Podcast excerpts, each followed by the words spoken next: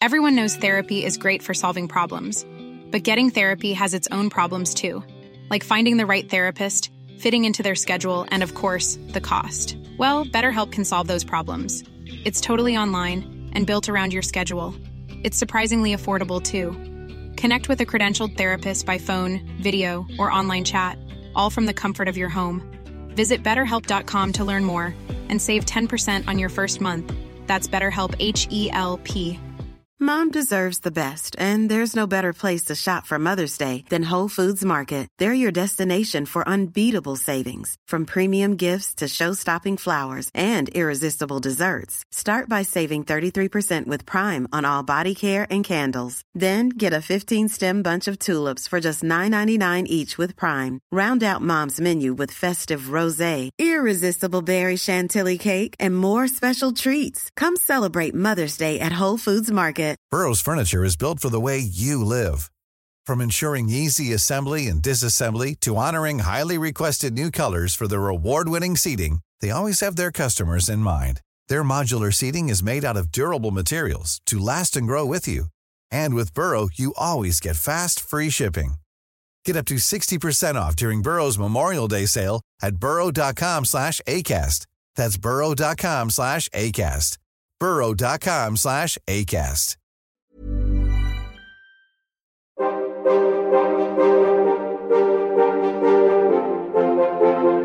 De oudheid is fascinerend. Een enorme puzzel waarvan we stukjes hebben. En heel veel stukjes ook niet.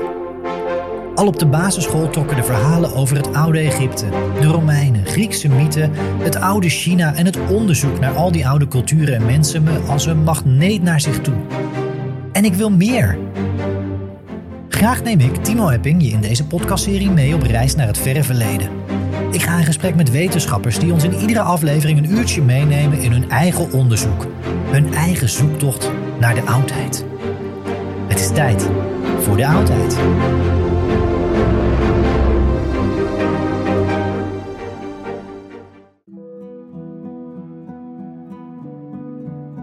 Het gesprek met Dr. Ayan Aksu van de Rijksuniversiteit Groningen, en daar ook verbonden aan het Qumran Instituut, ging verder. In de vorige aflevering spraken we uitgebreid over de Dode Zeerollen. Van vondstverhalen tot inhoud van de rollen, onderzoek naar handschriften en het mogelijke publiek voor de teksten. De link naar die aflevering is te vinden in de show notes. Terug naar Ayan nu. We hebben hier te maken met ongeveer duizend rollen. Een corpus aan teksten. Dat is iets waar, ja, zo stel ik me voor, bij wetenschappers de handen van gaan jeuken. Aan de slag. Maar hoe doe je dat? Dus je hebt die teksten, een prachtige en grote manuscriptcollectie uit de oudheid. En dan? Ja, ja en dan, dan begint het grote, het grote werk. Wat misschien goed is om even te vertellen, is eigenlijk hoe, hoe op wat voor verschillende manieren we teksten hebben waar we vandaag de dag onderzoek naar kunnen doen. En dan hebben we heel grof gezegd, hebben we twee verschillende bronnen van, van materiaal. De ene is continue tekstoverdracht. Dus eigenlijk teksten uit de oudheid die tot de, vandaag de dag voortdurend gekopieerd zijn. Daar moeten een heleboel monniken en kloosters en Arabische wetenschappers uit de Arabische wereld ontzettend dankbaar voor zijn dat we Aristoteles en uh, Homerus, maar ook de Bijbel bijvoorbeeld, dat we die, dat we die hebben. En een, maar een andere belangrijke bron zijn manuscriptcollecties uit de oudheid zelf. Vaak papieri, maar bijvoorbeeld ook kleitabletten uit Mesopotamië. In dit geval die overwegend leren rollen en ook papieri uit het Dode Zeerolgebied. En dat, wat die, dit soort collecties zo bijzonder maakt, is dat we niet als het ware het filter hebben van die 2000 jaar tekstoverdracht tussen ons en tussen de oudheid.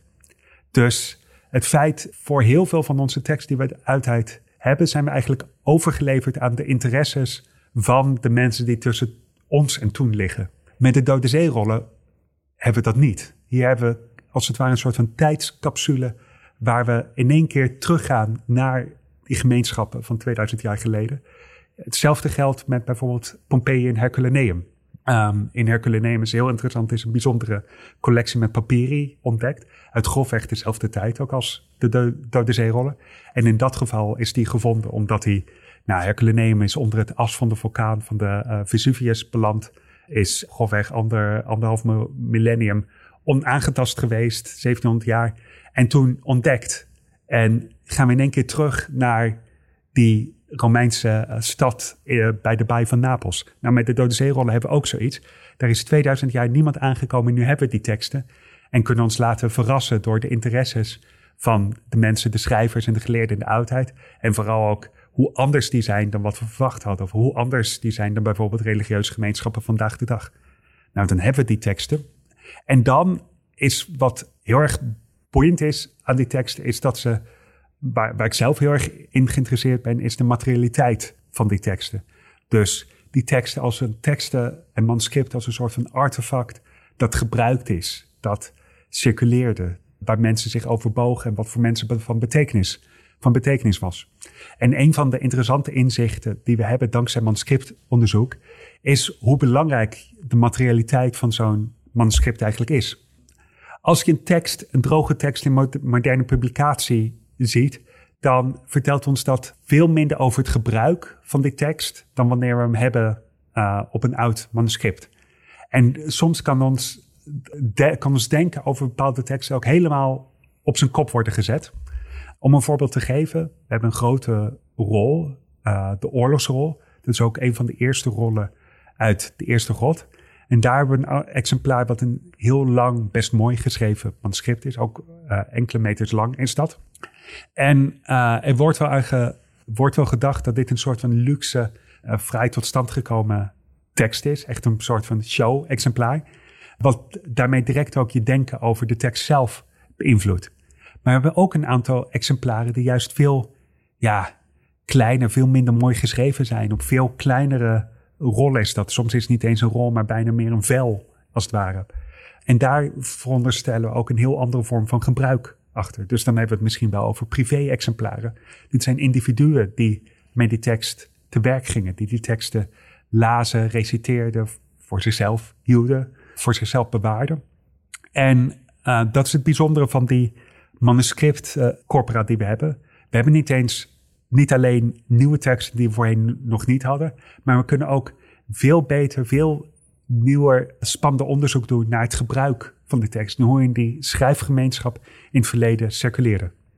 En, en zit daar ook misschien een zeker risico in? Hè? Je noemde het als mooi voorbeeld uh, de oorlogsrol, een mooie grote rol. Ja. In, eerder uh, in, in de vorige aflevering hadden we het ook al over de koperen rol. Hè? Die, dat is ja. er één, dat is uniek ga je als wetenschapper daar dan ook op, op, op, op een bepaalde manier, of is dat risico dat je er hiërarchisch in gaat denken uh, in hoe belangrijk bepaalde ja. teksten of specifiek de objecten waar ze op, hè, de dragers uh, ja. zijn? Nee, dat is echt enorm. Dat is er heel erg. Dat er uh, de eerste rollen die het eerst toegankelijk zijn geworden, daar is het meeste onderzoek naar gedaan. Dat zijn de rollen die bekend zijn. Vaak de mooiere exemplaren, dat zijn toch gewoon spannende teksten. En zo zijn bijvoorbeeld de variëteit van sommige teksten is bijvoorbeeld ook, daar zijn we, dat begint nu een beetje steeds meer in het wetenschapsveld door te dringen. Maar aanvankelijk hadden mensen er minder zicht op, want ja, we hadden die tekst al in één mooie uitgave bijvoorbeeld. Dus dat zie je heel erg. Ik heb zelf voor mijn eigen onderzoek best veel met kleinere papieren gewerkt. En waar sommige van de lange Dode Zeerollen, daar zijn bijna bibliotheken voor over volgeschreven. Kun je van sommige van de meer fragmentarische papieren, ja, daar kan je de hele literatuur bij wijze van spreken in een middag lezen, omdat er gewoon zoveel minder over gepubliceerd is. Dus dat is iets wat heel erg gebeurt. En ja, wat ik, ik bedoel, dat doe ik zelf ook vaak genoeg, dat je dan toch die, het eerste denkt aan die allereerste rol, want die ken je toevallig beter. En er, het is gewoon heel veel materiaal. Dus nee, dat gebeurt heel erg. Ja, en als we dan um, even inzoomen op hè, wat er sinds de jaren 50 uh, is gebeurd. Het onderzoek is echt, echt gestart. En ja, er zijn foto's van wetenschappers die echt met snippers voor zich zitten ja. en die tekst in elkaar passen. We hebben het er al kort ook even over gehad van goh, er is veel discussie over welke fragmenten nou wel of niet uit bepaalde grotten bij elkaar horen. Ja. Uh, wat dan ook effect heeft op hoe een tekst samengesteld wordt, of juist niet. Ja. Kun je daar iets over, over toelichten, hoe dat gewerkt heeft en ja. hoe dat nog steeds werkt en doorwerkt? Zeker. En um, dan gaan we hiervoor even terug naar de, de Bedouinen. Want die zijn we natuurlijk ontzettend dankbaar dat zij, want het begon bij hen. Zij hebben die teksten voor ons gevonden. En vooral de eerste God en God 4. Dat, dat zijn de grote, de andere God ook hoor. Maar daar hebben we zo, dat heeft zo'n wereld voor ons geopend. Maar het zijn geen archeologen. En die teksten zijn dus niet in een archeologische context opgegraven. En daardoor weten we ook niet precies welke teksten, welke fragmenten waar zijn gevonden. En dat heeft het werk van onderzoekers ook heel erg bemoeilijkt. Dus dat is handmatig door de jaren heen heel erg, ja, gewoon met puur handwerk zijn die, zijn die manuscripten uiteindelijk samengebracht. Dat heet voor een deel paleografie inderdaad, dat je kijkt naar hoe het geschreven is. Voor een deel ook materialiteit, dus dat je kijkt naar de uh, gaten, scheuren, of die overeenkomen. Soms ook uh, als het een opgerolde rol is. En eet bijvoorbeeld een, een wormpje, eet bijvoorbeeld een, stuk, een stukje uit het, uit het rol. Moet je voorstellen, een opgerolde rol. Je opent die rol weer en je kijkt waar dat gaatje van, die, van het wormpje zit. Dan zul je zien dat die beschadiging overeenkomt op ieder vel. Als vervolgens die rol, als die bladeren loskomen, als dat uiteenbreekt in fragmenten, dan kan bijvoorbeeld zo'n gaatje in één keer heel erg helpen. Dus dat soort ja, destructiepatronen, die helpen ons heel erg. In het geval van papyrus kan ons de, de uh, vormen van de vezels van papyrus kan ons ook helpen om die teksten samen te brengen. Dat is iets wat vroeger puur met de hand gebeurde. Intussen hebben we hele hoge kwaliteit uh, foto's. Ze zijn gedigitaliseerd en toegankelijk gemaakt door de uh, IAA, de Israëlische Uitheidkundige Dienst, op de zogenaamde de Leon Levi uh, Digital Library. En die is voor iedereen toegankelijk. Als je Leon Levi uh, of uh, Digital Library Dead Sea Scrolls, dan vind je ze allemaal. En dat is een echt hele goede. Die hebben het werk heel erg veel makkelijker gemaakt. Maar toch, als onderzoeker, je moet ook terug echt naar de, naar de bronnen. Dus als je echt in een specifiek manuscript duikt, dan word je ook wel geacht om hem zelf te bekijken. En dat kan ook in Jeruzalem bij de Israëlische Oudheidkundige Dienst. En dan kom je in een kamer en dan is er een conservator bij je en die haalt dan uit een of andere la een pleet. Is dat een soort van plaat waar dan kleine fragmentjes op liggen achter het glas. En die mag je dan bekijken. En als je wil dat ze omgedraaid worden, dan moet je dat vragen. En dan haalt ze netjes dat glas weg. En dan met zijn pincet draait ze die fragmenten om. Dus dat gebeurt ook nog steeds. Het oude gewoon bestuderen van de fragmenten zelf. Ja, als we daar dan kijken naar um, huidig onderzoek, lopend onderzoek, onder andere uh, nou, jullie eigen ja. instituut, je eigen onderzoek. Welke dingen lopen er dan nu en wat, wat ligt er nog in het verschiet? Welke, ja. welke kwesties staan open en onderzoeken jullie? Heel grof gezegd, kunnen een soort van, en dit is echt met uh, lange halen hoor, maar kunnen verschillende fases in het Qumran-onderzoek onderscheiden. We hebben een vroege fase met enorme interesse in, nou we hadden het over Jezus, over het Nieuwe Testament en de context van het Nieuwe Testament. Een latere fase in de jaren 80 en 90, en eigenlijk loopt die nog steeds tot nu, dat de Dode Zeerollen veel meer in een Joodse context worden geplaatst. Er is een belangrijk boek van uh, Lawrence Schiefman, een Amerikaanse Joods onderzoeker, die een werk heeft geschreven, Reclaiming the Dead Sea Scrolls. Dus het herclaimen van de Dode Zeerollen in een Joodse context. En die ziet heel erg verbanden met hoe het Jodendom zich later ontwikkelt. Dus met de rabbijnen, uh, de Mishnah, de Talmud, wat ontzettend belangrijk onderzoek is. En ook daar heeft, hebben de Dode Zeerollen echt te denken over het vroege Jodendom ingrijpend veranderd. Maar voor deel komen nu weer een nieuwe fase. En dat is het nog verder openbreken. Dat is het plaatsen van de dode in een nog bredere context, in een mediterrane context.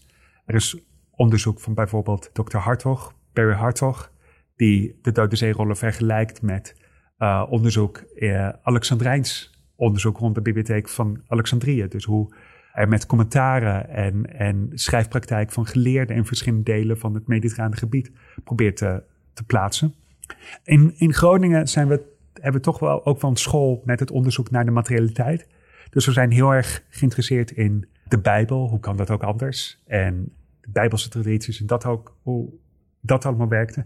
Maar ook heel erg juist in de manuscripten en de betekenis die aan de manuscripten werd gegeven. En hoe die werden gebruikt door Joodse geleerden en onderzoekers in eigen tijd. En vervolgens in bredere leefgemeenschap, uh, leefgemeenschappen circuleerden.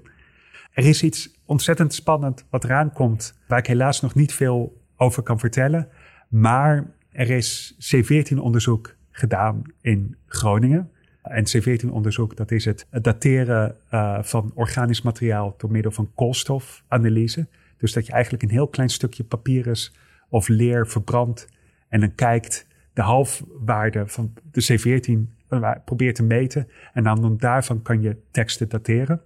Dat is een keer in de jaren 90 gebeurd. Maar technieken zijn intussen zoveel verder ontwikkeld. Dat, dat, in, uh, dat we dat in Groningen dus, vooral professor uh, Hans van der Plicht, die daar het isotopencentrum runt in Groningen, die kan dat nog veel beter. En daar zijn we op dit moment mee bezig. En de resultaten worden binnenkort verwacht, maar daar kan ik helaas nog niet veel meer verder over vertellen. Maar als dat zo is, dan hou ik je zeker op de hoogte. Nou, dat houden we in de gaten. Dat is een uh, ja, mooie cliffhanger voor, voor de toekomst. Uh, spannend onderzoek. Ja, concluderend wil ik dan eigenlijk vooral nog vragen. Als we nou kijken naar die dode zeerollen. We hebben het uitgebreid gehad over, over wat er is. En nou, eigenlijk alles wel geraakt, denk ik. Voor jou persoonlijk als wetenschapper. Kun je iets zeggen? Dat is een hele grote vraag, dat begrijp ik. Maar afsluitend, kun je iets zeggen over het belang van deze vondst uit de jaren 40, jaren 50? Ja. Hoe belangrijk en hoe, ja, kunnen we het een game changer even in, in goed Nederlands. Ja. Uh, maar uh, hoe belangrijk is dit nou geweest in, in wetenschappelijk opzicht? Ja, ik durf wel te zeggen dat het echt een game changer is geweest. Op verschillende vakgebieden ook. Dus op het onderzoek naar zowel het vroege christendom als het vroege jodendom. Twee ja, wereldreligies die nog enorm in ontwikkeling zijn. Veel meer dan we ontwikkeling zijn dan we aanvankelijk, aanvankelijk dachten. En dat heeft het nadenken over het Oude Testament, maar ook het, de leefwereld en de denkwereld van het Jodendom in die tijd enorm op zijn kop gezet, enorm verrijkt. Dus we zien een variëteit die we niet hadden verwacht vroeger. En ook dus een, een Jezus die veel Joodser blijkt te zijn dan we aanvankelijk hadden gedacht. Maar ook als het breder tekst. Ik had het net al het breder trekken. Ik had net al even over uh, manuscriptcollecties. Daarvan hebben we er niet zo ontzettend veel uit de oude wereld. We hebben er een aantal uit Egypte, uh, uh, Griekse teksten, maar ook in andere talen. Oxyrhynchus, Oxyrhynchus papyrus, uh, enorm belangrijke collectie. Ik had het eerder al over die Herculaneum papyri, Herculaneum collectie, ook van papyri. Maar heel veel verder aan grote manuscripten collecties met honderden, honderden manuscripten hebben we, hebben ook weer niet. En dit is echt, de Dode zijn echt een collectie in die traditie passen.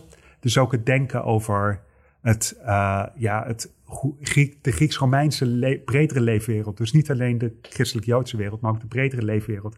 Het heeft het mediterrane gebied geopend. En uh, uh, we zien nu verbanden die we eerder ook niet zagen. En wat dat betreft is het echt een, een ja, discipline-overschrijdende, een grensoverschrijdende vondst geweest. Ja, dan rest mij nu eigenlijk niets anders dan je heel hartelijk te bedanken voor, uh, voor al deze mooie inzichten en, en ja, kennis die je met ons wilt delen. Super. Dank je Heel erg bedankt. En daarmee sluiten we dit tweeluik over de dode zeerollen met dokter Ayan Aksu af. Een fascinerende, interessante reis die in ieder geval mijn blik op deze manuscriptcollectie en over de betekenis van de teksten voor zoveel mensen, nu en in de oudheid, heeft verruimd. De belofte van Ayan dat er binnenkort nieuwe ontwikkelingen, nieuwe ontdekkingen worden gepresenteerd, volgen we natuurlijk nauwlettend. Daarover in de toekomst ongetwijfeld meer nieuws.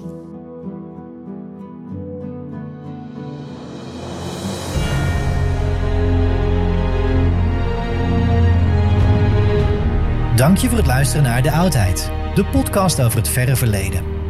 En wil je meer oudheid? Vergeet dan niet om de podcast te volgen daar waar jij podcast luistert. Iedere nieuwe aflevering verschijnt dan automatisch in je feed. Likes en reviews worden uiteraard gewaardeerd en vergeet vooral ook niet om de podcast met iedereen die jouw interesse deelt te delen. Heb je ideeën of suggesties voor de podcast? Mail dan naar info@eppingproductions.nl.